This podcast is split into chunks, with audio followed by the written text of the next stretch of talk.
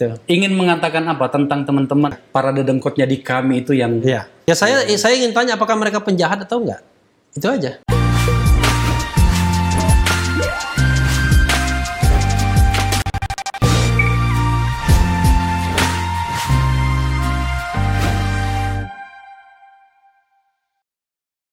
Assalamualaikum warahmatullahi wabarakatuh. Selamat malam. Kita ketemu kembali. Malam ini saya akan mencecar seseorang yang suka mencecar orang lain. ya kan? Malam ini kita hadirkan saudara Repli Harun yang beberapa sudah satu minggu ini kau memenuhi media ya. Ya, biasanya kan eh, Sejak bahkan sejak kami sebenarnya ya. Sejak bad kami. news is good news. ya. Ya, eh, dan memang eh, dari catatan yang di, tersimpan di setiap apa namanya tayangan kami itu ada namanya Refdi Harun dalam nomor urut pertama. Tolong diundang katanya.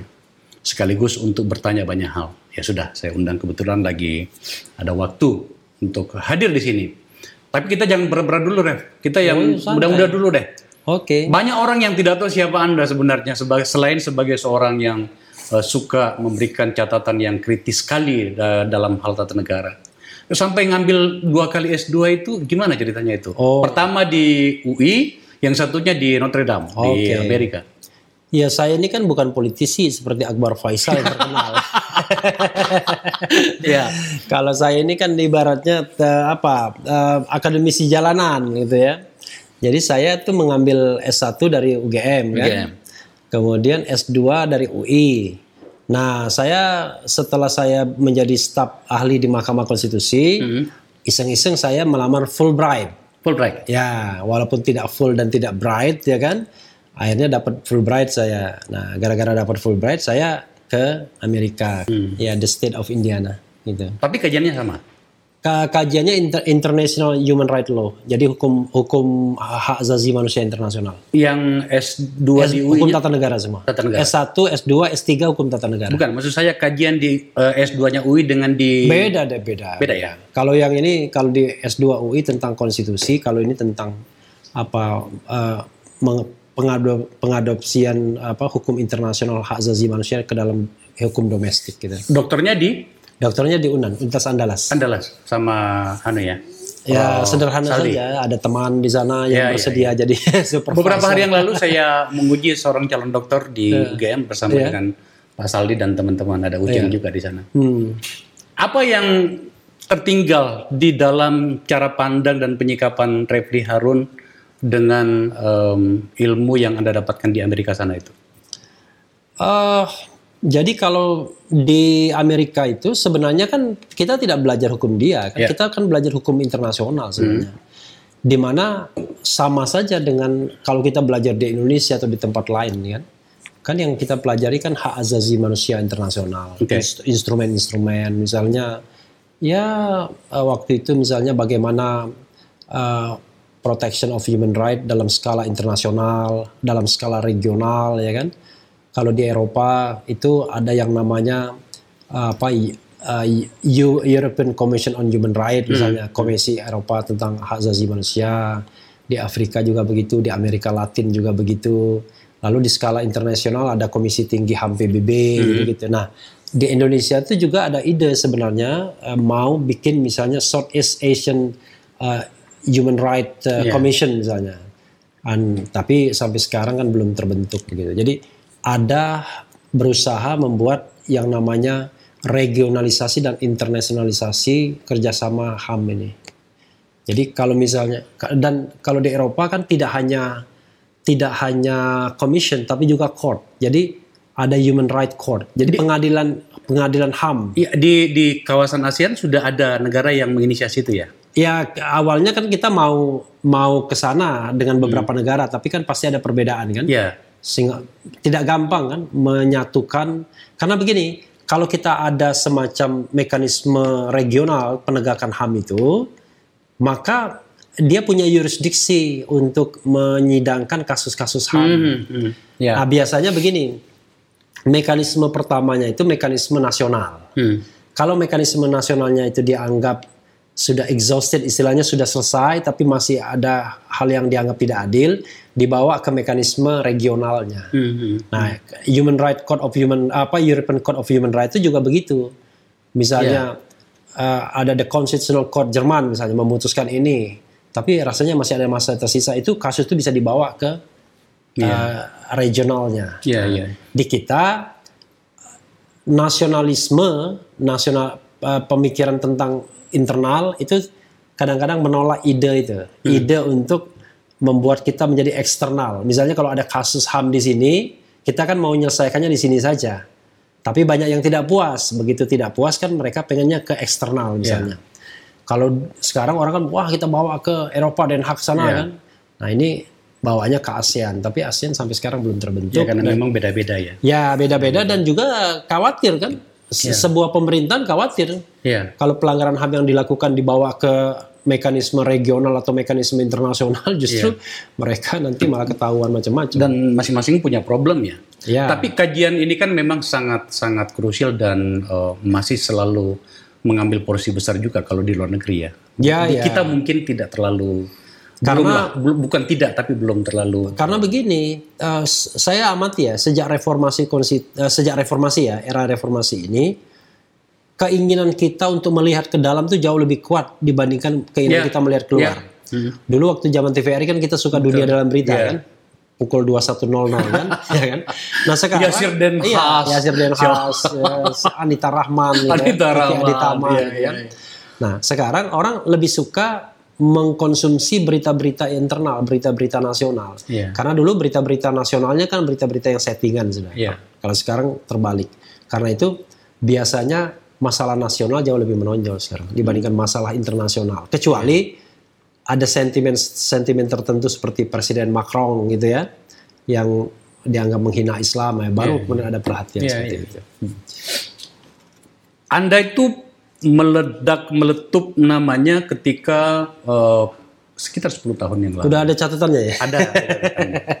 Saya catat 10 tahun yang lalu dan bulan ini, bulan Oktober ini. Eh, pada saat itu anu ya, apa namanya itu ada insiden di internal MK ya. Ya. Pada saat itu. Eh, sampai begitu terganggunya MK dan khususnya Pak Oh Mahfud iya. sampai menunjuk Anda ya sebagai ketua tim itu. ya. Iya. Sebenarnya Pak, dulu saya tidak ingin eh, Anda menjelaskan terlalu jauh, tapi kasus itu dulu hari ini gimana itu? Kasus itu hari ini ya tidak tidak ada ujungnya. Oke. Tetapi kan ujungnya adalah Akil Muhtar yang akhirnya kan tiga tahun kemudian tertangkap tangan dalam kasus lain. Ya. Setelah dilakukan proses penyelidikan dan penyidikan, Mhm. tidak hanya kasus itu yang melibatkan dia, ternyata ada puluhan kasus lainnya. Mhm. Dan itu uang yang terlibat, uang yang ada gitu transaksi tidak hanya 3M sebagaimana kasus yang dia OTT, Iya. tapi ratusan miliar ya kan.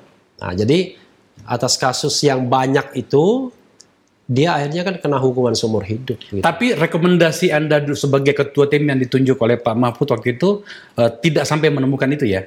Enggak, sebenarnya kita menemukan. Cuman masalahnya adalah kan eh, apa yang kita temukan itu kan harus ditindaklanjuti oleh penegak hukum. Mhm. Dalam hal ini KPK. Nah, setelah itu kan KPK sebenarnya melakukan tindak lanjut kan. Cuma tindak lanjut yang diam-diam yaitu tapping. Mhm. Kan dia menguntit eh, Ya. menguntit ketua MK, me- apa, men- apa, interception kan, mentappingnya. Lalu ket- ketika ada transaksi terkena lah OTT. Itu berapa tiga tahunan ya? Tiga tahun. Cukup jadi, lama ya. Jadi eh, kasus saya meledak itu 2010, Akil Mutar ditangkap itu 2 Oktober 2013. Ingat saya masih tanggalnya. Karena saya bilang itu hari pembebasan saya gitu. Karena orang akhirnya percaya bahwa apa yang saya omongkan itu benar gitu loh. Tapi waktu itu sebenarnya apa yang membuat Anda marah betul soal itu tuh? Sebenarnya tidak marah. Jadi gini, kasusnya itu adalah saya membaca berita yang mengatakan Pak Mahfud mengatakan bahwa MK bersih 100%. Hmm. Ya. Dia mengenantang kalau ada orang yang punya data sebaliknya silakan mengadukan, ya kan begitu. Kita tahu lah yang namanya swasta atau pribadi kan nggak mungkin mengungkapkan kasus-kasus Ya, itu ya. sendirian itu Ya, kan. betul. Penegak hukumannya nggak gampang. Hmm. Nah, tiba-tiba saya punya klien, klien saya itu mengaku kalau dia diperas oleh AM ya kan, oleh Akil Muhtar. Ini udah terbuka kan itu kan Iya. kasus yang lama. Iya.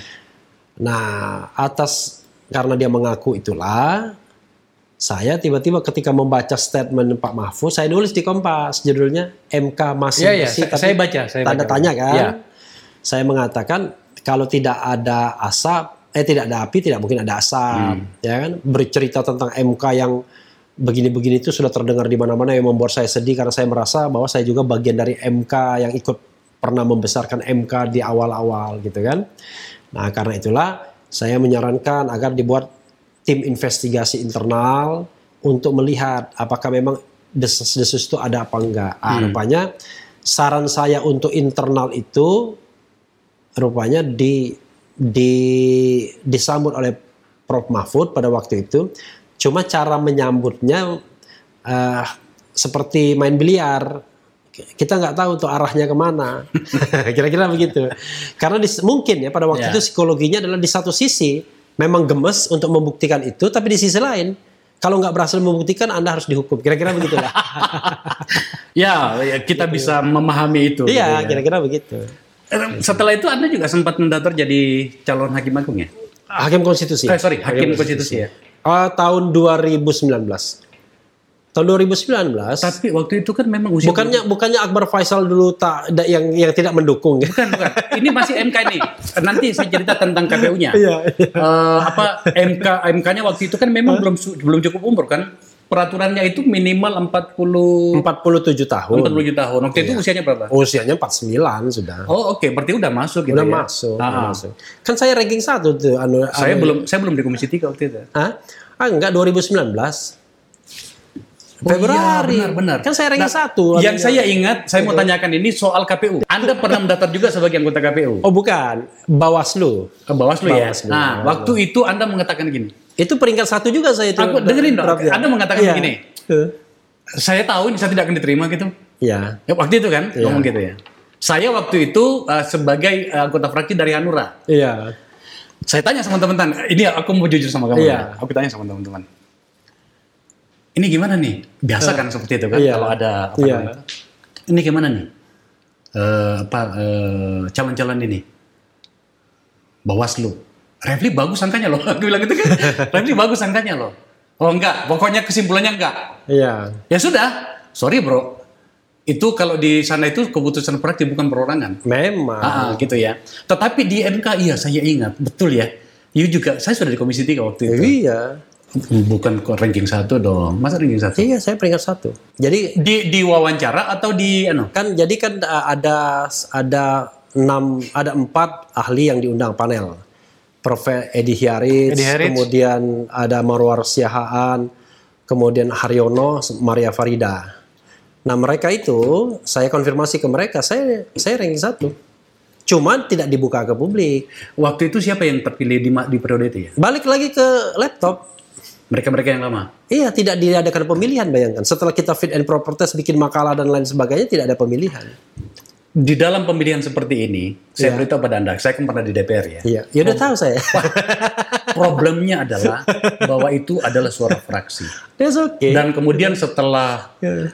ya saya saya lagi menulis buku nih, Bro. Iya, iya. Saya lagi menulis buku. Iya, Ada bagian yang saya mau tulis itu, termasuk Hakim Agung di Mahkamah Agung, Iya. termasuk KPK. Iya. Saya punya banyak catatannya. Iya. Tapi kita tidak akan bicara soal itu saya udah paham. Oke. Makanya saya saya tambahin sedikit. Saya bilang, udahlah, saya nggak mungkin terpilih. Iya, saya dengar. Semakin anda kritis, semakin insya Allah anda nggak terpilih, nyuruh-nyuruh Iya. saya. Tapi udahlah, itu kan karena ada teman menyuruh saya daftar, saya daftar. Saya hanya ingin membuktikan bahwa saya daftar, saya bisa. Tapi saya tidak expect terpilih. Kalau kalau di Bawaslu ya, kalau di Bawaslunya aku ingat. Aku Iya. ingat waktu itu saya malah bertanya sama seorang teman pimpinan, saya Hmm. bilang, "Ini bagaimana nih? Saya kan waktu itu belum terlalu jauh, orang baru kan gitu." Iya.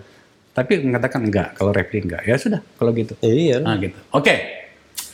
Em, setelah itu kemudian Anda menjadi pengamat ya. Iya. Pengamat dan kemudian eh, mengambil porsi yang cukup signifikan untuk terutama untuk tata negara. Tapi sejujurnya saya pengen bertanya itu. Anda pintu masuknya itu masuk ke KSP atau ke sekitar istana itu lewat mana? Kan 2014 kan saya anggota tim transisi ya. Iya, iya. Relatively saya tahu. Iya. Tiba-tiba you muncul di situ, aku bingung pintu mana Refli masuknya. Nggak ada pintunya. Yang ngajak siapa? Coba cerita dong. Nah, jadi begini. Saya ini pernah jadi staf khusus Mensesnek tuh empat bulan saja, udah itu berhenti. Ya, Pak ano, Pak Pratik Pak ya. Pratikno. Kemudian pernah juga menjadi eh, komisaris ini karena ditawarin. Ya, oke, itu saya akan ceritakan. Ada beberapa bagian yang sudah saya ceritakan. Jadi gini, pada waktu 2014 kita kan tahu eh, Jokowi sama Prabowo, ya kan? Mereka yang mengamati politik Indonesia rasanya kalau head to headnya Jokowi dan Prabowo, masa sih saya pilih Prabowo, ya kan? Pasti secara traditionally saya pasti akan punya preferensi ke Jokowi pastinya. Karena Jokowi orang baru, tidak ada beban masa lalu, Prabowo banyak catatan-catatan kan begitu. Itu 2014. Nah, tapi saya tidak pernah menjadi tim sukses. Ya, ya, makanya saya bingung Sama karena- sekali, sama sekali nggak ada nama saya sebagai tim sukses. Nama saya itu terangkat ketika ada sengketa di MK. Begitu, Pilpres. ya, begitu begitu ada penghitungan dulu, dimulai dari penghitungan kan. Kan biasanya gini tahap-tahapnya. Sebelum pilpres yang paling laku itu surveyor, kan begitu? Oke. Ah, survei-survei berapa elektabilitasnya dan lain sebagainya. Begitu menjelang pemilihan yang laku atau sudah sudah pencoblosan yang yang laku pengamat politik kan Pengamat begitu kira-kira ya. begitu. Begitu mau penghitungan suara selesai, ah baru hukum tata negara yang main. Apalagi kalau sudah masuk MK. Hmm. Kan begitu. Nah, waktu itu statement saya yang disukai kubu Jokowi adalah 99,9 persen permohonan Prabowo akan ditolak. Oh sudah langsung jatuh cinta semua kan kubu Jokowi ke saya. Itu gabung dengan Pak Yusril atau berdiri sendiri? Berdiri sendiri. Enggak, saya sebagai pengamat mengatakan demikian.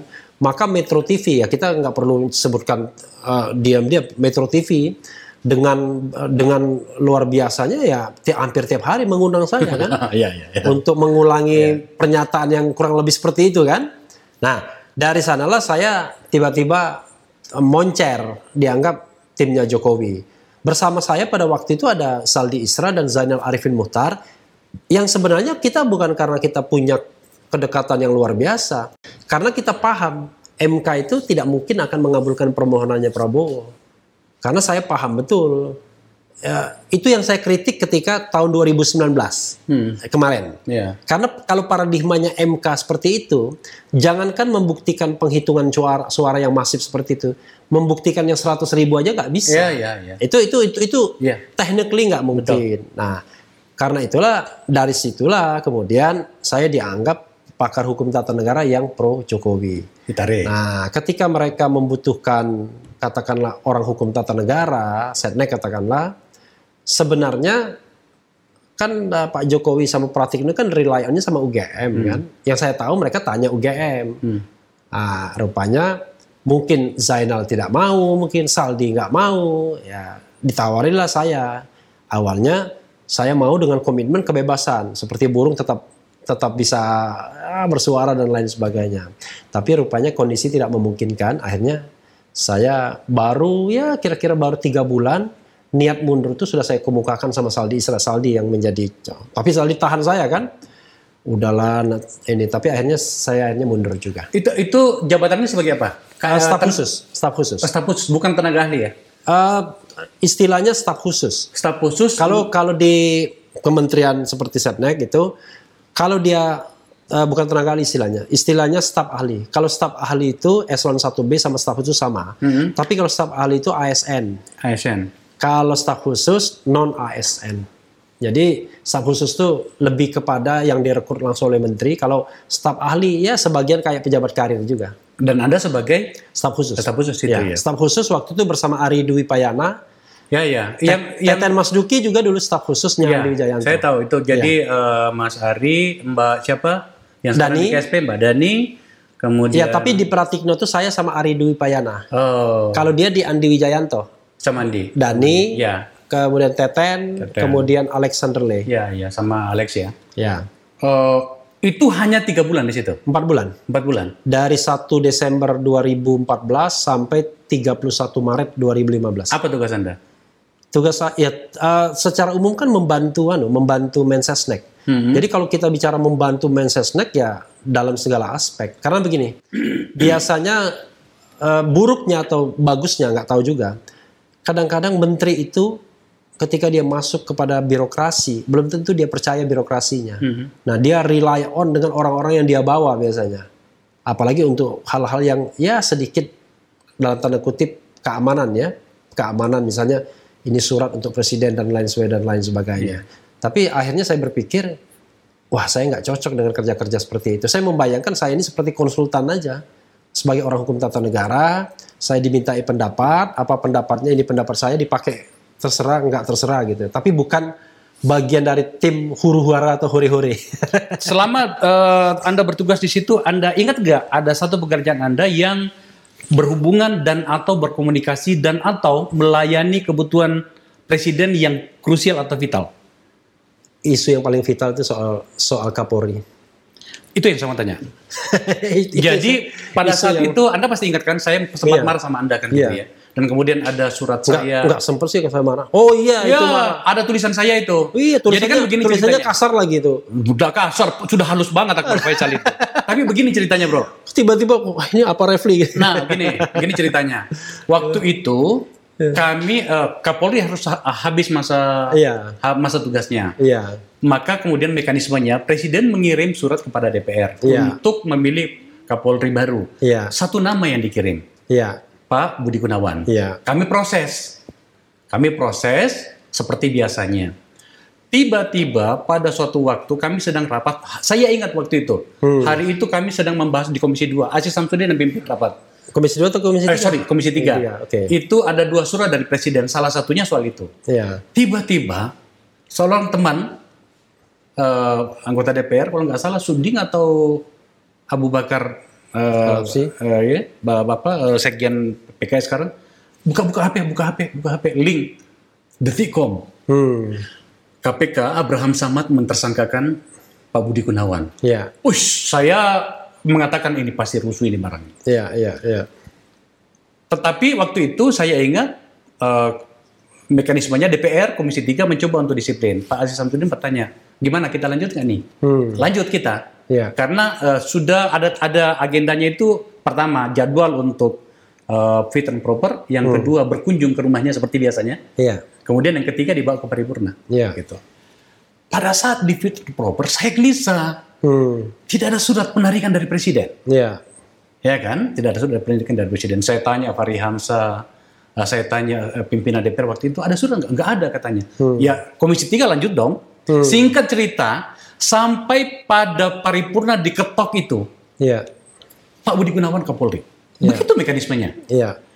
Tidak ada surat tiba-tiba dari presiden keluar surat baru mengusulkan namanya Pak Badrodin Haiti tanpa mencabut surat ini. Saya marah bro. Iya. Sebagai pendukung presiden waktu itu Iya. kan kita masih daihatnya presiden Iya. kan.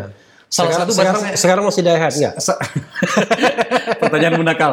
Salah satu pertanyaan saya begini, Iya. ke mana para pemikir tata negara di sekitar presiden? Mana yang namanya Refli Harun? Hmm. Bisa diceritain nggak apa yang terjadi pada saat itu? Wah ini ini ini politik tingkat tinggi ini sebenarnya. Jadi jadi gini karena ini sudah lewat ya mudah-mudahan orang yang mendengar ini biasa-biasa aja karena Ya. udah udah lewat. Jadi eh, saya kira sebelum sebelum itu Iya. kan waktu itu kan kemudian Pak Budi Gunawan menggugat dan kemudian dia menang. Iya. Jadi eh, apa namanya pentersakan KPK Betul. itu Iya, gagal, betul, apa di- dibatalkan. Iya. Saya tapi kita pengen tahu ceritanya. Anda kan di situ pada saat itu. Apa yang terjadi? sebenarnya saya tidak banyak tahu ya, Hmm. tapi paling tidak saya juga mengikuti ya. Gini, waktu itu eh, peristiwanya kan Januari 2015 Ya, ya. Januari 2015. Januari ya. 2015. Nah, saya itu sempat umroh waktu itu. Jadi paling tidak saya absen selama 10 hari 11 hari. Pada saat peristiwa itu lagi umroh. Ya, umroh. Oh, Nah, oke. Tapi saya memantau. Tapi saya datang pada saat yang sedikit krusial. Oke. Karena sedikit krusialnya itu adalah eh nanti keliru lagi saya mengatakannya ya kan. Tapi ini persepsi saya ya, Ya. persepsi saya. Ini kan kita harus hati-hati kan. Iya, iya. Persepsi saya bahwa eh, presiden sebenarnya kan eh, gamang, ragu sebenarnya untuk untuk mengangkat Budi Gunawan. Kira-kira begitulah. pada waktu itu kan. Bagaimana bisa gampang dia mengirim satu nama saja kok? Ya kan Anda kan ngerti ini kan konstelasi politik tingkat tinggi Oke. antara Istana dan Teguh Tapi kan saya Umar bertanya dan lain sebagainya dan lain sebagainya. Ya oke. jadi jadi jadi intinya adalah eh jadi ini dari sisi, perspektif hukum tata negaranya begini ya. Ketika presiden jadi bagaimana orang yang dalam posisi tersangka ini katakanlah begitu dalam posisi tersangka ini tapi dia sudah di endorse oleh DPR apakah ada kewajiban untuk mengangkatnya atau enggak? Kan begitu Posisi tersangka tapi di endorse oleh DPR. ya artinya kan DPR sudah menyatakan di mereka setuju dan usulan itu kan begitu Mekanismenya seperti itu. That's okay. Oke. Tapi kemudian undang-undang itu bicara nothing ketika balik lagi ke DPR. Mhm. Karena tugas DPR itu bic- bicara iya dan tidak, Oke. tapi bukan maksa untuk melantik. Ah, Kan karena usernya itu adalah presiden itu dari sisi hukum tata negaranya. Nah, Oke. dalam kondisi yang mulus-mulus saja, misalnya gini, saya mengajukan satu nama DPR fit and proper test, kata DPR oke. Oke. Oke-nya DPR itu bukan berarti bahwa DPR mengangkat mereka. Nggak begitu. DPR bahwa orang ini memenuhi Syarat. syarat. Di- DPR iya. Setelah DPR iya dibalikin lagi kepada presiden. Nah, presidenlah yang mengeksekusi itu Iya. dengan melantik. Iya betul. Kan begitu. Karena kepala eksekutifnya presiden. Presiden. Dalam kondisi yang nggak ada masalah, back and forth-nya enak, ya kan? Selama ini. Tapi begitu ada masalah, misalnya yang bersangkutan ternyata ditersangkakan, oke, lalu dia datang ke sini, kan ada problem. Bagaimana mungkin seorang Kapolri adalah seorang tersangka? Kan ada problem di situ. Kalau dia dilantik, kan aneh jadinya. Kalau kalau itu oke, saya Ya, bisa ya. paham. Ya. Tapi yang saya maksud adalah mekanisme ketatanegaraan kita ketika ada problem seperti itu dan saya yakin para pihak ini paham, Ya. seharusnya kan presiden mencabut dulu surat yang pertama peng, apa pengiriman namanya Pak Budi Gunawan, baru mengirim lagi namanya Pak Badrodin Haiti. Nah. Itu nggak ada, kok. itu kalau kalau itu ya itu eh, sebenarnya bis- bisa iya bisa enggak kalau mekanisme surat menyuratnya itu. Tetapi intinya yang ingin saya katakan adalah ketika surat itu mengatakan A dan kata presiden kata DPR oke A balik lagi kepada presiden saya mengatakan ketika dalam kondisi normal presiden punya kewajiban untuk melantiknya paling tidak moral moral obligation kewajiban moralnya Oke. walaupun dia usernya tapi ketika yang balik ini sudah bermasalah ya kan dan itu kan bisa saja post factum misalnya ketika di per- di- diberikan surat nggak bermasalah tiba-tiba baliknya sudah bermasalah Ya. maka saya mengatakan itu adalah ranah presiden Oke. apakah presiden akan menindaklanjuti dengan pelantikan atau enggak. Nah, rupanya presiden pada waktu itu tidak menindaklanjuti dengan pelantikan, tapi melakukan penundaan, kan begitu kan? Penundaan ya. Iya, dia kan menunda. mengirim nama lain. Bukan nama lain itu bukan sebagai Kapolri, tapi sebagai pelaksana tugas Kapolri. Jadi Badrodin Haiti itu pada waktu itu sebagai pelaksana tugas Kapolri. Setelah setelah waktu berlalu, baru kemudian dia menjadi yang definitif. Itulah. Eh, Jadi saya lu hampir lupa ya, tetapi seingat saya Wah. surat itu sebagai Kapolri, makanya iya kemudian iya kita di DPR, acting acting acting sebagai Kapolri. makanya kita di DPR waktu itu memprosesnya untuk jadi Kapolri. Enggak, jadi acting sebagai Kapolri. Setelah acting sebagai Kapolri, lalu dis- diteruskan dengan surat baru untuk mengusulkan dia sebagai Kapolri. Gitu. Jadi di fit and proper test lagi. Saya ingat rekan Anda Aziz Samsudin menghubungi saya, wah ini kita tolak juga ya katanya. Ini kan sama aja katanya dengan yang kemarin gitu. Ternyata diterima Haiti. Saya harus mengecek lagi tentang data Saya yakin itu Ya, 100%. Meskipun ini Ya. adalah uh, cerita lama, tetapi Ya. menurut saya penting bagi kita untuk Ya. mempelajari proses-proses Iya, seperti ini. saya saya yakin itu 100%. Saya memang waktu itu uh, apa namanya itu um, uh, marah dan uh, saya menyebut nama Anda. Di Iya. kepala saya nggak ada ahli tata negara di sekitar presiden kecuali Revli. Justru karena ada ahli tata negara makanya bisa ditolak. karena sul- sulit sekali Ah. bagaimana ya pada waktu itu melakukan teoritisasi terhadap keinginan presiden bahwa presiden tidak mau melantik. Kan begitu persoalannya.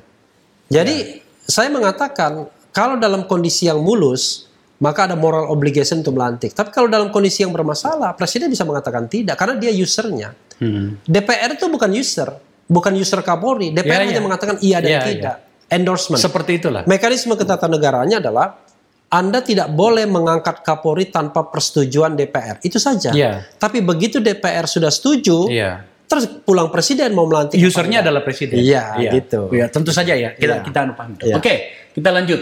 Karena saya banyak pertanyaan. Iya, iya, iya. iya. setelah setelah dari eh, mendampingi Pak eh, Pratik, Pratik, ya, ya. dari sekretaris eh, negara tiga bulan empat bulan ya. Empat bulan, empat bulan. Persis empat bulan. Saya saya stopkan bulan. Setelah itu Anda ditarik menjadi komisaris utama di Jasa Marga. Jasa Marga. Iya. Langsung ya. Eh, enggak, jadi Jasa Marga 18 Agustus. Eh 18 Maret. Ada jedanya ya. Jadi gini, saya la- 18 Maret saya diangkat sebagai komisaris utama Jasa Marga. Hmm. Kemudian tanggal 31 Maret saya mengundurkan diri. Jadi saya rangkap jabatan 13 hari. Saya rangkap jabatan. Karena itulah yang saya saya persoalkan sekarang nih, rangkap jabatan itu. Saya 13 hari aja rangkap jabatan. Berarti Anda juga melanggar sebenarnya 13 hari. Enggak ada pelanggaran enggak ada. Itu itu sampai sekarang dianggap etika, jadi Etika, kan. ya. Ya. Tapi ya nggak nggak mungkin juga misalnya hari ini kita diangkat hari ini diberhenti kan ada Ya, ya, administrasi ada. surat. Iya, iya, iya. Tentu saja, iya, iya. Gimana Saya paham kalau itu. nah, jadi eh, apa namanya? Dari jasa Raharja, eh, Jasa Raharja, jasa Marga, Jasa Marga. kemudian menjadi lagi Kepelindo. ke Pelindo. Sejujurnya ini dua-duanya ini eh, apa namanya? barang yang baru bagimu ya sebenarnya ya. Enggak juga. Dari jalan tol ke Enggak juga. kapal gitu. Karena orang nggak paham aja bilang bilang eh, barang yang baru. Jadi ketika saya masuk pertama, mungkin saya tidak tahu sama sekali dunia ini. Ya. Tapi begitu saya masuk, saya sudah sangat tahu. Ya, ya. Kayak proses pembelajarannya lebih cepat lah. Kenapa? Karena intinya sama aja. Jadi kalau kita mau jadi komisaris uh, di sebuah tempat, di BUMN atau di perusahaan, saya mengatakan kita butuh tiga, paling tidak menguasai satu dari tiga ilmu ini yang Iya, paling iya. penting. Satu finansial, karena kita harus tahu hitung-hitungannya. Yang kedua ilmu tentang tata kelola, tata Iya. kelola apa aja. Dan ketiga hukum. Karena sebenarnya kalau kita bicara tentang uh, peran komisaris utama kan pengawas dia Iya, iya. pengawas itu dealingnya dengan peraturan, keuangan, sama tata kelola. Itu Ber- aja. berapa total eh, aset negara yang dikelola oleh Jasa Marga? Jasa marga itu eh, sekarang ini kalau pendapatannya ya, penghasilannya itu kira-kira kalau ke waktu saya tinggalkan kira-kira 8 triliun, 8 triliun. per tahun ya? Ya, keuntungan bersihnya kira-kira 2 2 triliun ke atas. Dia dia meng- mengelola berapa jalur? Oh, jalurnya banyak. Banyak ya? Banyak. Ta- Yang paling yang paling jalur yang paling dinikmati yang matchers yang yang gede-gede banget ya Jabodetabek. Jabodetabek ya. Nah, Jabodetabek itu ibaratnya backbone, Iya. termasuk Cipularang itu itu backbone. Nah, sementara jalur-jalur lainnya ya Trans Jawa Hmm. itu mungkin 60% itu jasa marga Trans Jawa karena Iya, iya. karena beberapa ruas tapi dia nggak 100%. Karena kalau di Iya. jalan tol itu kalau kita mem- membangun ruas baru itu anak perusahaan baru. Iya. Dan itu biasanya ada saham pihak lain biasanya. You ditawarin atau Ditawarin. Tawarin ya. Mbak Rini langsung ya. Ah bukan, Ah, waktu itu seumur hidup saya nggak pernah minta jabatan. Yang nawarin siapa? Ah, Imam Aprianto, sekretaris Mas Imam? Menteri Iya, iya, BUMN. iya. Ah. Gitu. Berapa lama di anu? Di Berapa lama di eh, Jasa Marga? Tiga bulan, eh tiga tahun lima, bula- bu- lima bulan, lima bulan tiga belas hari. Setelah itu langsung switching ke Pelindo. eh, Pelindo Pelindo satu. sa- Pelindo satu. Pelindo satu. Berapa lama di sana? Ba- ya sampai inilah sampai eh, saya diangkat di Pelindo satu itu per 7 September 2018 Mhm. diberhentikan 20 April 2020 ya satu tahun setengah lah kira Satu tahun setengah ya. Satu iya. tahun Jadi totali sekitar lima tahun lah di lima tahun di lima BUMN tahun ya. di BUMN Setelah itu, dan di lima tahun saya menghasilkan tiga buku ya ya. gitu Tapi kamu nggak pernah kasih ke saya. ya nanti lah Ya. Oke. Nah, kita masuk pada poin yang eh, Iya. apa namanya saya pengen bertanya banyak. Iya. Orang lain banyak bertanya. Iya. Saya hanya mediator untuk bertanya Iya. kepada Anda gitu ya. Setelah itu kemudian Anda tiba-tiba eh, berada pada kamar yang berbeda Hmm. secara psikologis dan Iya. eh, penampakan eh, sosial politiknya kira-kira begitulah iya bahasanya. iya iya iya. Ya kan? Tiba-tiba anda menjadi eh, apa namanya eh, menjadi berbeda. Iya. Berbeda itu kata orang awam itu kok kemarin di pemerintahan iya kok tiba-tiba bahasanya bahasa oposan. Dan itu dimulai dari uh, sebuah apa namanya itu Twitter Anda, saya tunjukkan. Ya. di di apa namanya Twitter Anda itu. Ya. Itulah dianggap sebagai eh, apa namanya awal dari eh, apa namanya awal dari eh, kemarahan Anda. Eh, dia anggap bahwa Anda marah karena diganti gitu ya. Oh. Ini anunya, ini apa namanya eh, Twitter Anda ini. Ya. Terima kasih Rini Sumarno yang sudah mengangkat saya.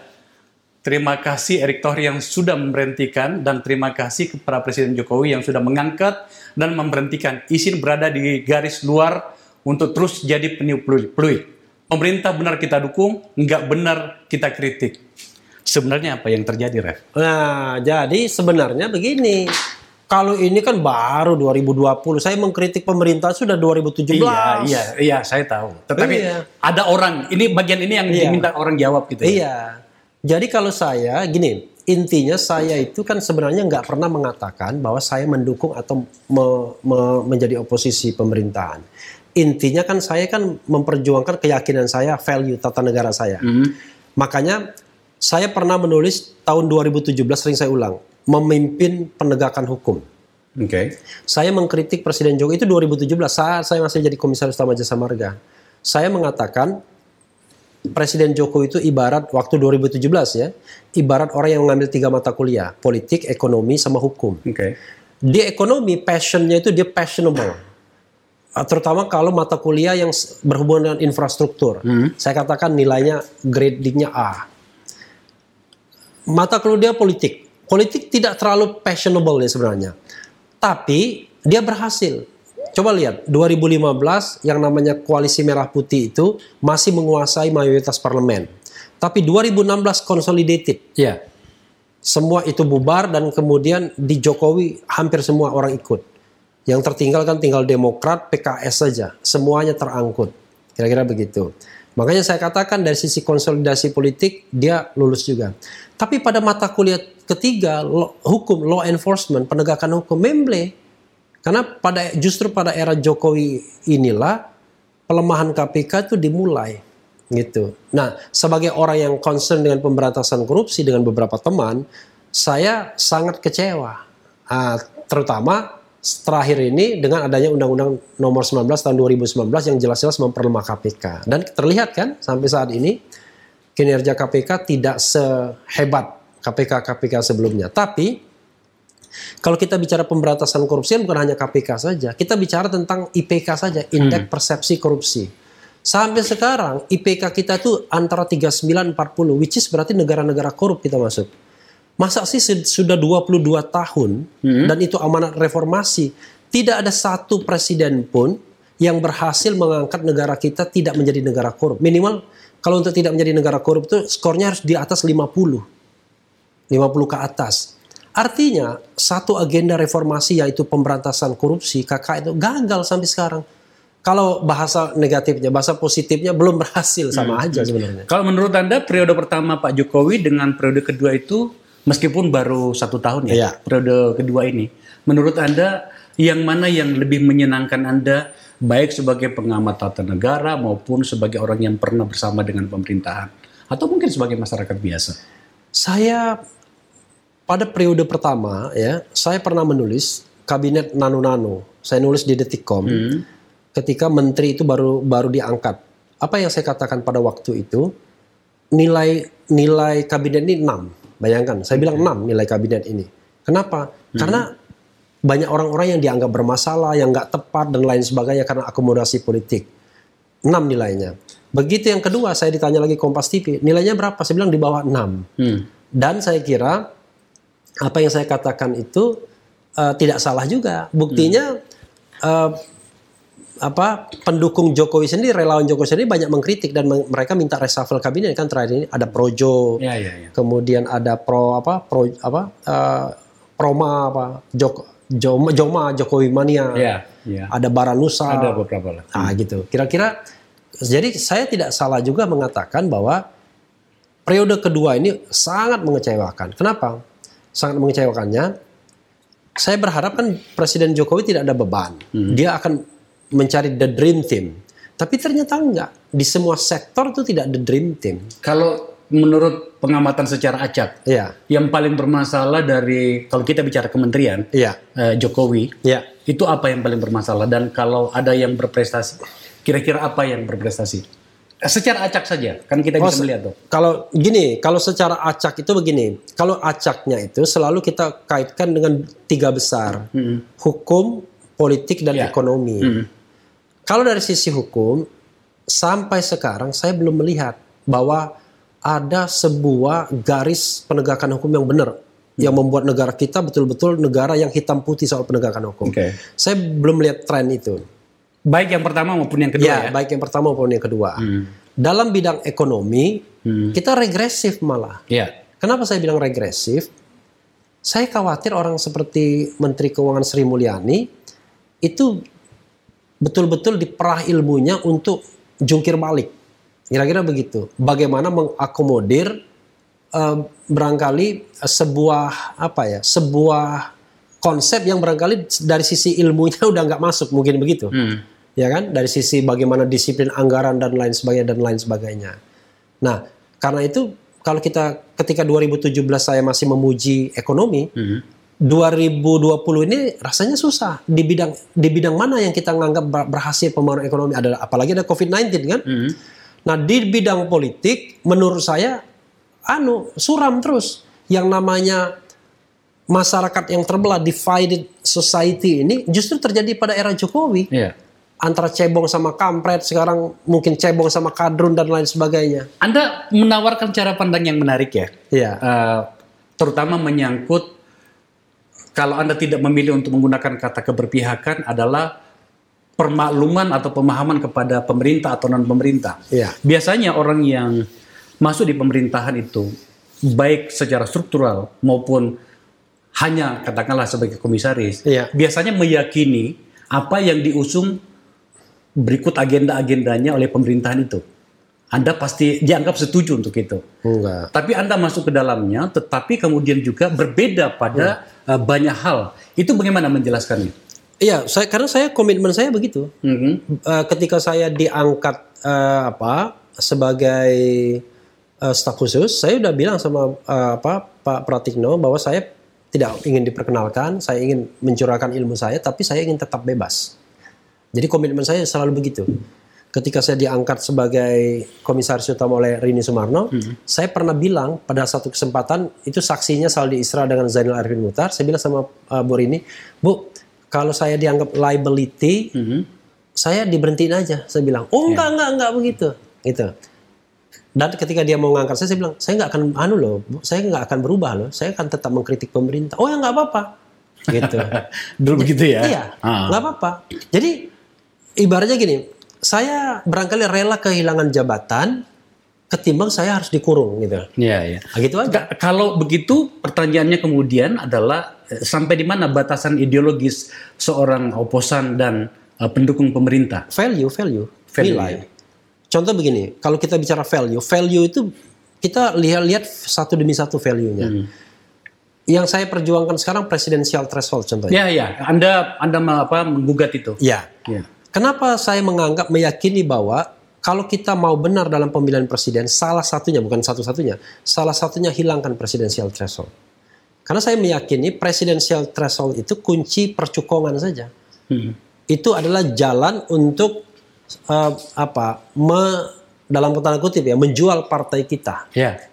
kepada calon-calon presiden yang mungkin ada orang cukong-cukong di belakang layarnya. Nah, kalau sekarang saya udah bilang, kalau presidensial threshold dipertahankan dan koalisi istana itu kuat, katakanlah dipegang kuat, pasti harus ada mem- yang memegangnya. Ka- kalau itu eh, lembaga yang saya pimpin di tempat Iya. ini, Nagar Institute, Iya. itu sepakat dengan itu. Iya. Dan ya. Jadi, nah, enam kan enam itu kan eh, PDIP, Golkar, eh, Gerindra, PKB, Nasdem dan P3. Ketiga. Ini kalau dia tetap dipegang oleh satu kekuatan invisible hand, maka dia akan mengajukan satu pasangan calon kan begitu. Di luar ini Demokrat, eh, PKS dengan PAN Ya. itu harus mengajukan satu pasangan calon juga, karena mereka cuma 22 persen. Ya. Kalau salah satu mereka hilang, mereka nggak bisa mengajukan pasangan calon dan tidak bisa pilpres. Kalau mereka juga dipegang oleh satu invisible hand, agar mengajukan satu pasangan calon, maka ini kayak wayang aja Iya, iya. diadu. Iya. Ngeri banget kan? Paham. Gitu. Sekali lagi saya katakan eh, lembaga kami, Iya. eh, kami sedang menggugat, apa namanya menyiapkan eh, catatan untuk itu, termasuk juga untuk dinasti Oke. yang pasal 7 huruf R, Iya. Undang-Undang Nomor 8 tahun 2015. Saya bahkan menurut saya eh, threshold ini tidak hanya harus hilang di pilpres, di pilkada juga. ya Karena dengan threshold inilah calon itu bisa dibeli semua. percukangan ini terus itu Iya. terjadi. Ya, Gitu. ya, saya setuju. Kalau itu kita setuju. Ah, Oke. Ya, kita ketemu bro. Ya. Oh, gerakan terakhir Anda itu bergabung dengan kami. Iya iya iya. ya, Oke. dengan kami eh, dan membuat orang semakin bertanya soal Iya. itu. Tetapi delapan tuntutan kami itu relatif kan nggak ada yang baru kita lihat, Iya. nggak ada yang baru. Iya.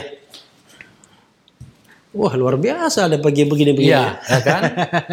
Ini, coba kita lihat ya. Oh. Oke, kemudian eh coba lihat, Iya. ada delapan tuntutan. Iya. Nggak ada yang berbeda dengan tuntutan yang lain itu, Ref. Iya. Sekarang A- apa kebaruannya? Ya, oke.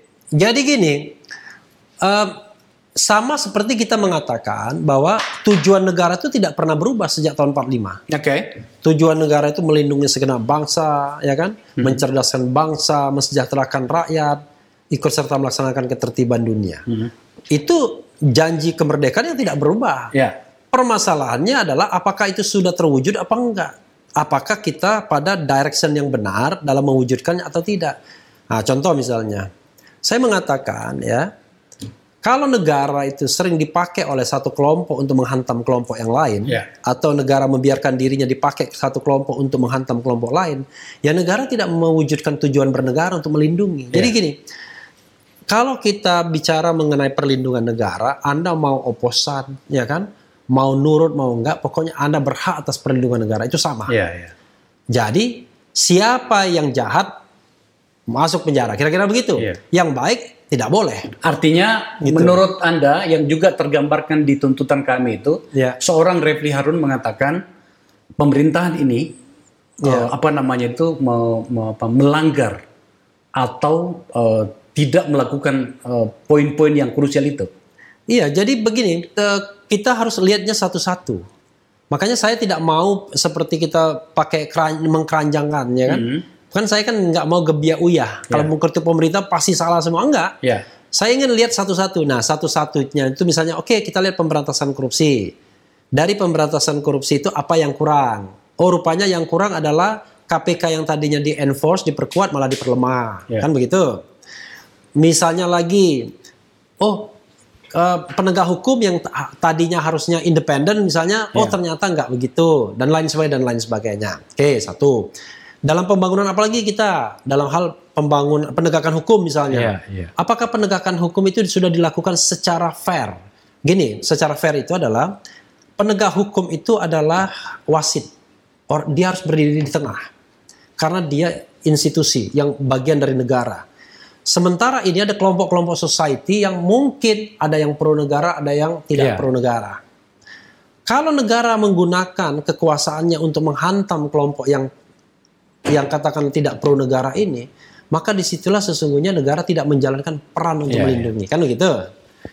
Nah, karena itu kita bisa lihat satu-satu dalam bidang politik, apalagi misalnya dalam politik, oh masih ada presidensial threshold dan Iya, lain iya. sebagainya. Nah, kalau kita eh, poin-poin itu kita cacah satu-satu, maka di situ kita akan temukan problemnya dan mungkin kita bisa tahu solusinya apa asal punya yang namanya political will. Ya. Kalau nggak punya political will, susah. Memang kan Gitu. apa namanya syarat negara demokrasi itu kan setidaknya ada empat ya. Ya, Apa pelaksanaan eh, hukum di negara itu berjalan seperti yang seharusnya. ya rule of law lah, rule of law. prinsip keterwakilan, Ya.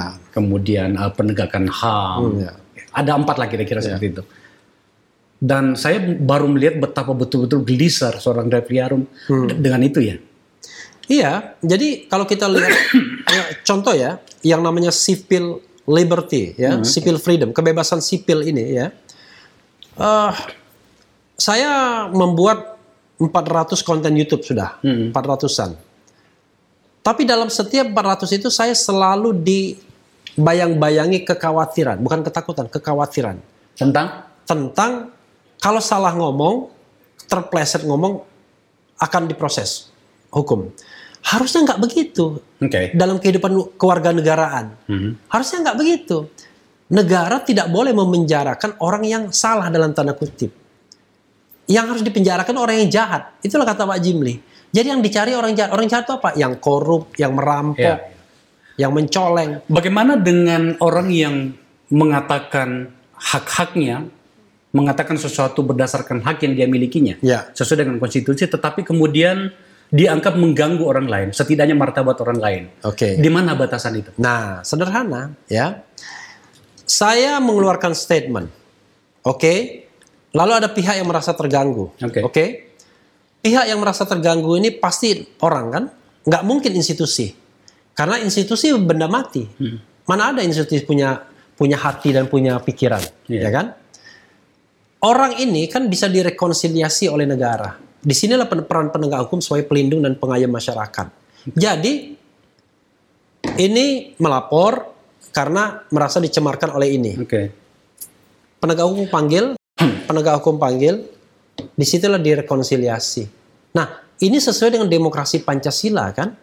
Tapi kalau misalnya, wah ini ini ini bukan pendukung rezim misalnya begini, udah menggunakan tangan negara kelompok ini, udah tersangkakan saja dia, penjarakan saja dia. Itu yang nggak benar, Anda gitu. ingin mengatakan apa tentang teman-teman yang kebetulan saya kenal juga ya? Iya, Para dedengkotnya di kami itu yang iya. ada Jumhor, ada Iya. Ganda. Ya saya saya ingin tanya apakah mereka penjahat atau enggak? Itu aja. Karena negara itu harus menghukum, harus memenjarakan orang penjahat. Hmm. Kan Anda kenal katanya Iya, kan sama iya, mereka. iya, ya kira-kira mereka penjahat bukan?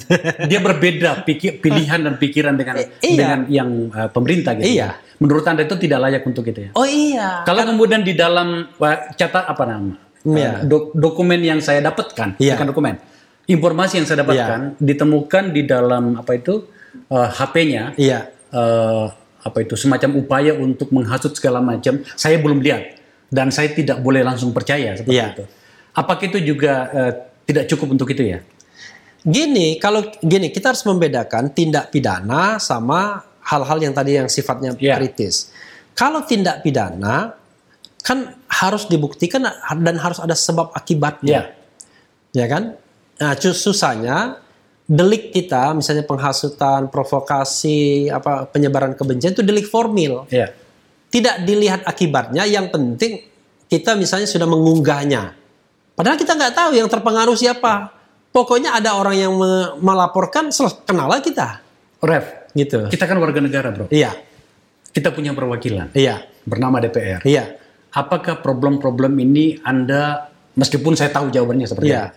Tapi apakah Anda pernah eh, sudah pernah bawa ke DPR bahwa Iya. eh, wahai DPR-ku eh, eh, kita menghadapi problem ini sekarang. iya. Apa Anda sudah melakukannya? Eh, secara per- gini, ada dua ya. Yang melakukan itu warga negara, yang kedua adalah institusi. Saya tanya DPR-nya, DPR-nya sadar nggak kalau dia mewakili kepentingan rakyatnya? Saya khawatir jangan-jangan dia nggak nggak sadar, karena begini, DPR itu kan ada individual performance, Iya. Ada group performance. Nah, Iya. group performance itu ya partai dan fraksinya. Tapi kan secara individual dia mewakili kepentingan rakyat dan tidak peduli apakah dia memilih apa enggak rakyat itu yang penting kalau saya berasal dari dapil eh, misalnya dapil eh, Jakarta Barat saya orang Jakarta Barat boleh dong ngadu ke dia nah itu sadar nggak teman-teman DPR itu jangan-jangan dia merasa nggak sadar ketika misalnya ada rakyat yang datang Pak saya ini orang Jakarta Barat Pak begini-giniin paling dia mengatakan oh ya gitu ya ya kamu lapor dong ke polisi jangan-jangan begitu dia ngomong bukan bukan di agre- agregasi kepentingannya Kayaknya Anda sudah tidak percaya pada DPR ya. Enggak. Teman Anda pernah nggak melakukan itu? Misalnya ada perorangan yang mengadu, tiba-tiba dia bela mati-matian. Kalau dulu iya saya, ada beberapa guru kalau bicara tentang Iya, saya ya dulu iya, dulu. iya. Ada beberapa guru di kampung saya Iya. itu di dipersoalkan bahkan Iya. ditahan. Iya. Saya dampingi secara langsung. Okay. Tapi secara kelembagaan eh, Refli Harun masih percaya nggak sama DPR? Eh, saya tidak mau mengatakan percaya atau tidak. Oke. Karena bukan bukan bukan tipe saya mengatakan banyak hal yang harus kita perbaiki sistemnya. Karena saya kan selalu ingin menawarkan problem solving. Jadi bukan mendelegitimasi, ya. Karena value kan yang dipertahankan. Nah, menurut saya salah satu kalau kita ngomong DPR ya, salah satu yang harus diperbaiki itu hak recall. Hak recall. Ya. Nggak boleh di recall. Waktu saya di Jerman tanya, Pak di sini ada hak recall nggak? Nggak ada. Loh, nanti gimana kalau dia berbeda pendapat sama partainya? Dia bilang begini, kalau dia berbeda pendapat dengan partainya, ya paling nanti nggak akan dicalonkan lagi pada periode berikutnya. Saya bilang kalau di Indonesia dengan senang hati. kalau cuma begitu doang. Karena partai banyak. Tapi kita di sini sudah ada yang melakukannya loh, melakukan perlawanan Fahri Hamzah dan menang. Oh iya, tetapi kan hak recall itu sendiri kan tidak dihapus, Tidak itu dihapus, masalahnya. ya, harus Dan ber- ketika dibawa ke MK, MK mempertahankan hak recall. Iya, iya. Jadi recall itu berbeda dengan kalau dia berhalangan. Recall itu orang lagi ketawa-ketawa, senyum-senyum, kritis-kritis, baru itu diganti. Itu recall. Tapi kalau dia misalnya terlibat tindak pidana, ya itu Iya. bukan recall. Itu karena dia dianggap melakukan tindak pidana atau dia sakit misalnya Iya, diganti. iya. Gitu. Pokoknya lagi seneng-seneng itu diganti. itu recall. gitu. Eh, hari-hari ini Anda eh, pasti eh, agak sibuk dengan salah seorang narasumber. Kami ini sama-sama youtuber sekarang ya. Iya, iya, iya. Iya. Luar biasa ya Anda. Tapi kita tidak bicara soal Iya. apa subscribe-nya yang sudah ratusan ribu itu luar Iya. biasa. ya. Sugi Nur Harja Iya. ditahan karena eh, bicara di podcastnya seorang Refli. Iya. Eh, bagaimana kasusnya sekarang? Uh, ini ketika di apa di interview ini uh, sebelum hari ini nanti beberapa hari ke depan saya akan diperiksa sebagai saksi. Sudah dipanggil? Sudah dipanggil, sudah dipanggil. Dipanggil sebagai saksi. Saksi. eh, Saksi. kapan anunya panggilannya? Panggilannya uh, dua hari yang lalu ya. Dua hari yang lalu. Tanggal kesaksiannya kapan? Di pengambilan ke keterangannya. Uh, Selasa. Selasa itu tanggal berapa ya? Hari Selasa. Ini hari Jumat. Mhm. Ya kan? Iya. Jumat, Sabtu. Eh, ini tanggal 30 30 ya sekarang? Iya, 30 ya. 31 eh, Sabtu tanggal 1 Minggu tanggal 3. Tanggal 3 ya? Tanggal 3. Tanggal 3. Selasa ya? Tanggal 3 Selasa. Selasa. Oleh Baris Krim atau? Baris Krim. Baris Krim. Baris Krim. Oh, menurut Anda apa yang disampaikan Sugi Nur Harja itu eh, layak disampaikan ke ruang publik atau tidak? Boleh nggak saya nggak menjawab itu? Boleh. Ah, Ini kenapa? punya kemerdekaan di sini. Iya, kenapa saya nggak mau menjawab itu? Kan itu menjadi bagian dari Iya, karena apa pun jawaban saya Iya. itu justru akan dipakai untuk oh, saya kan gini. Konsep kita dalam penegakan hukum itu harus adil, keadilan. Jangan ada misalnya trial by the medsos, trial by the media. Nah, susahnya adalah sering sekali omongan kita ini dipenggal-penggal Iya. sehingga backfire ke kita. Padahal saya sudah mengatakan negara tidak boleh menghukum orang yang tidak jahat. Gitu. Karena yang namanya hukuman penjara itu kan itu kan proses pidana itu kan ultimum remedium harusnya. Itu yang terakhir kali kalau nggak ada upaya lain. Iya. Buk, kalau terhadap sesuatu yang bukan kejahatan. Itu itu itu konsep saya. Iya, iya. Eh, Saya paham. Kira-kira begitu. Saya hormati putusannya dan saya paham. Iya, ya. gitu. Eh, saya rasa eh, Iya. Anda pasti eh, Iya. telah menyiapkan Iya. eh, banyak hal untuk itu. Iya. ya. Eh, meskipun eh, juga saya sedih mendengarkan pernyataan sahabat kita, teman kita. saya sebenarnya tidak mau bertanya pada Anda soal ini, tetapi ya nggak apa-apa lah bertanya ya. Iya iya iya. Refli- apa Ali Muhtar Ngabalin itu meminta Iya. Anda untuk ditangkap juga itu Tidak saya hanya- sedih karena kan tidak hanya ditangkap tapi juga dipenjarakan bersama-sama dan lain sebagainya. saya berharap tidak seperti itu ya. Iya. Kan kita kan semua teman ya. Iya, iya, iya. Tapi apa yang ingin Anda katakan soal itu? Yang ingin saya eh, katakan adalah eh, saya belum ingin mengatakan apa-apa. Artinya kan saya adalah orang yang tidak tidak terlalu terganggu dengan pernyataan-pernyataan orang di media sosial. Kenapa? Begini, di YouTube saya itu saya bikin bahkan kan kalau kita bikin apa pun di YouTube itu yang namanya komen di bawahnya itu saya udelnya. Ya. Maka saya daripada mereka pusing-pusing ngatain begitu, ada kan selalu pro dan kontra. Saya saya bikin ada empat atau lima Hah? refli provokator, ya kan? Kemudian uh, refli goblok dan tolol, ya kan? Ya. Refli orang pecatan Saya sakit membaca- hati, refli suruhan rezim, Ah. ya kan? Bahkan di situ saya bacakan ada yang orang bilang maaf kata, ada yang bilang anjing segala dan lain sebagainya. Nah, saya katakan ya itu jauh lebih tidak layak dan direct attack. Direct attack itu langsung ke orangnya, direct attack. Tidak ada persepsi lain. Tapi seorang saya hanya ingin mengatakan bahwa saya punya konsep begini. Ada yang namanya uh, public person, ya, person in public. Kalau artis public figure, ya Iya. kan.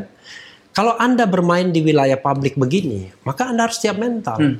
Harus menerima kritik. As long as itu kritik. Ya kan? As long as itu kritik. Tapi kalau lebih dari kritik, misalnya sudah sentuhan badan dan lain sebagainya, tentu kita harus Iya, iya. berpikir ulang kan. Jadi sepanjang itu hanya kritik is okay. Ya kan? Ya.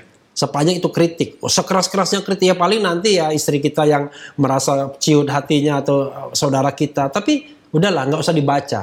Karena it could be possible itu cuma mesin, itu buzzer dan lain sebagainya. Dan orang butuh penghidupan untuk itu kan kira-kira. Sepanjang itu kritik. Tapi kalau sudah menyangkut sesuatu yang misalnya punya konsekuensi pada kebebasan kita, ya kan? Punya konsekuensi pada badan kita, ya itu lain lagi tentunya. Kita harus berhitungnya secara cermat untuk itu. Saya berharap dan berdoa Gitu. semuanya baik-baik saja. Oke. Apa pun namanya, Amin, amin. eh, saya eh, bisa memahami banyak hal dari diri Iya. Anda. Atau juga saya mengenal Anda Iya. eh, jauh sebelumnya dan termasuk pikiran-pikiran Anda. Iya. Terima kasih setelah datang ke Akbar Faisal Unsensor. Ini adalah pembelajaran publik, makanya tadi ketika eh, Refli meminta untuk tidak menjawab, saya sangat menghormatinya. Ini tempat untuk orang-orang merdeka dengan pikiran-pikiran merdeka. Ref, sekali lagi terima kasih. Salam untuk Yuyun dan anak-anak. Iya, Ya. Yuyun itu istri saya. Ya. Istrinya Refli Harun adalah sahabat saya juga. Sekali lagi terima kasih Ref. Oke, luck. Wabillahi taufiq wal hidayah. Assalamualaikum warahmatullahi wabarakatuh. Waalaikumsalam warahmatullahi wabarakatuh.